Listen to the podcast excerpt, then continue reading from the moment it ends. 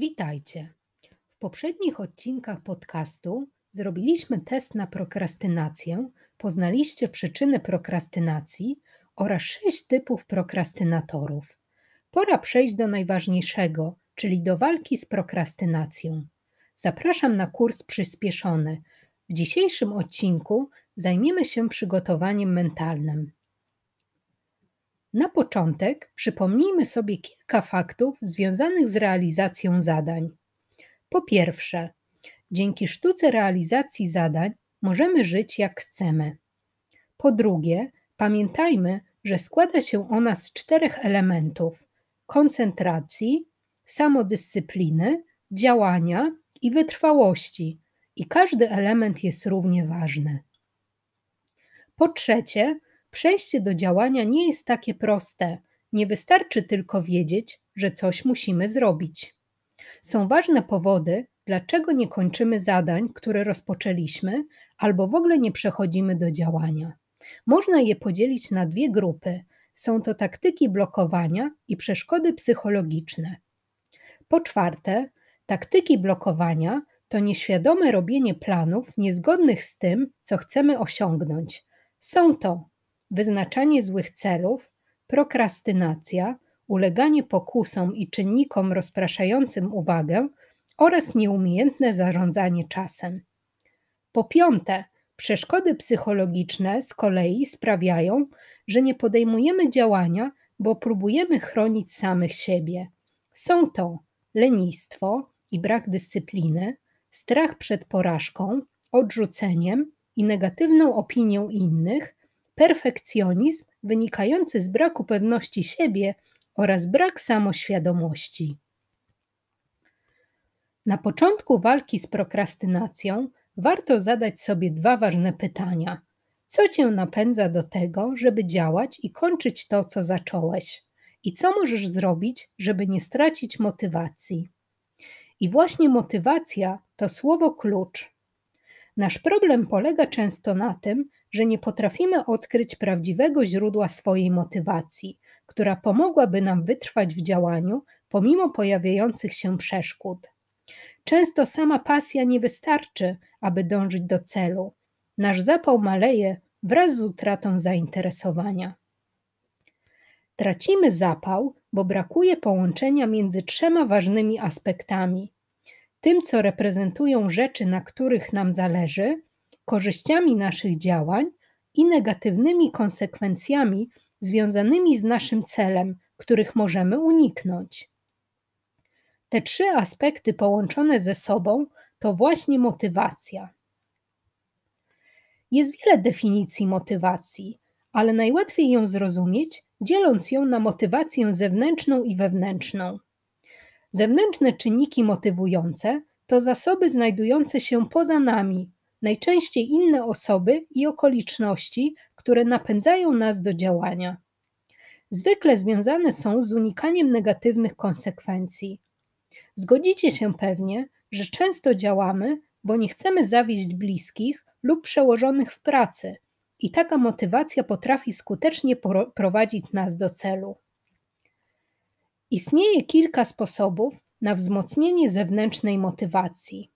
Pierwszym z nich jest znalezienie w swoim otoczeniu partnera w odpowiedzialności.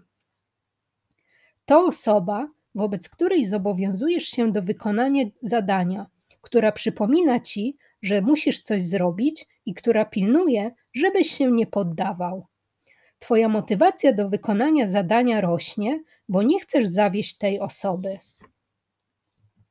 Drugim sposobem jest znalezienie grupy w odpowiedzialności, która może być bardziej skuteczna niż partner. Odpowiedzialność wobec wielu osób to coś, czego za wszelką cenę chcemy uniknąć. Grupa wywołuje ciągłą presję i utrzymuje nas w działaniu. Trzecim sposobem jest postawienie pieniędzy. Przyznacie, że perspektywa utraty pieniędzy często bardzo mocno motywuje nas do działania. Kupujemy karnet na siłownię, opłacamy kurs lub zatrudniamy trenera osobistego, który pociąga nas do odpowiedzialności. Możemy również przekazać pewną kwotę pieniędzy, ale odpowiednio wysoką, koledze z prośbą, żeby oddał ją nam tylko wtedy, kiedy wykonamy dane zadanie. Możemy również przekupić samego siebie, obiecując sobie nagrodę za wykonanie zadania. Perspektywa tej nagrody będzie napędzać nas do działania i pomoże pokonywać przeszkody. Zewnętrzne czynniki motywujące pomagają nam uniknąć bólu. Nikt nie chce czuć wstydu, mieć poczucia winy ani zostać odrzuconym. Dlatego warto, żeby chęć uniknięcia takich emocji stała się siłą napędową w działaniu. Wewnętrzna motywacja dotyczy Twoich pragnień i nie jest związana z negatywnymi konsekwencjami lub karą. Na wielu ludzi zewnętrzne czynniki motywujące i strach nie działają tak skutecznie, jak podążanie za rzeczami, które kochają i których pragną. Z tego powodu wewnętrzna motywacja jest często lepsza niż zewnętrzna, ale sprawdza się bardziej, kiedy wiesz, czego pragniesz. Wewnętrzne czynniki motywujące dają przekonanie, że osiągnięcie celu przyniesie ci dużą nagrodę i wiele innych korzyści.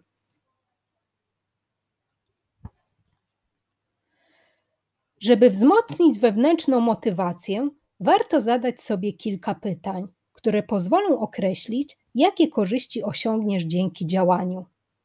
Te pytania to: co na tym zyskasz? Jak zmieni się Twoje życie? Jak na tym skorzystasz? Jak skorzysta na tym Twoja rodzina? Jak wpłyniesz na innych? Jakie pozytywne emocje poczujesz? W jaki sposób Twoje działania przyczynią się do osiągnięcia Twoich długofalowych i krótkofalowych celów? Zadawaj sobie te pytania często i pozwól, żeby odpowiedzi na nie motywowały Cię do działania. Codziennie przypominaj sobie o celach i o tym, dlaczego chcesz je osiągnąć. Stałe przypominanie sobie o swojej motywacji to bardzo ważna rzecz.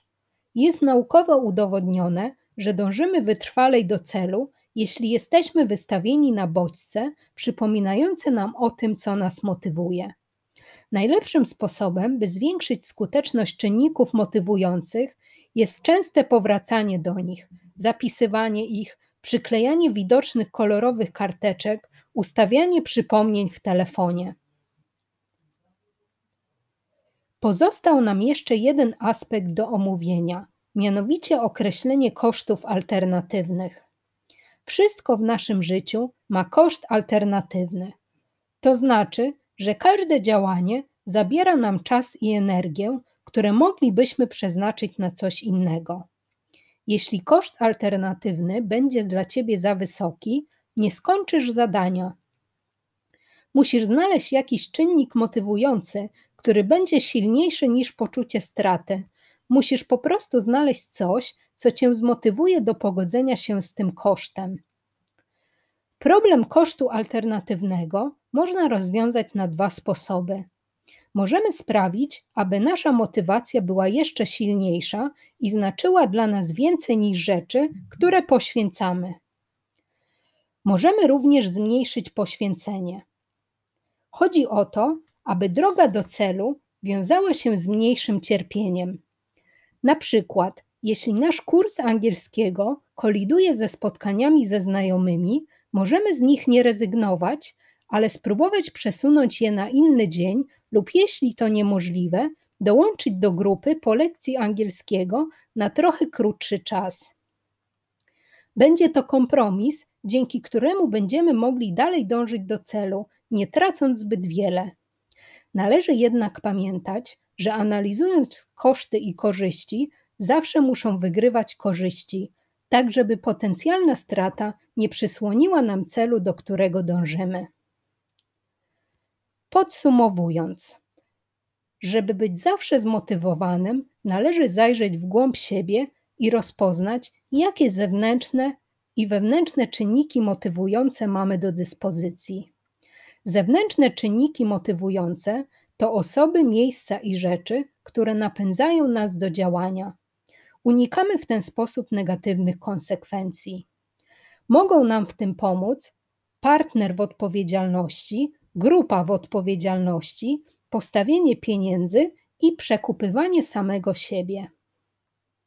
Wewnętrzne czynniki motywujące dotyczą korzyści i tego, jak może poprawić się nasze życie. Są to potrzeby i pragnienia, które możemy określić zadając sobie kilka ważnych pytań. Wszystko, co chcemy osiągnąć, ma swój koszt alternatywny. Możemy próbować maksymalizować korzyści, wzmacniając motywację lub minimalizować koszty. Motywacja jest najsilniejsza, kiedy stale sobie o niej przypominamy.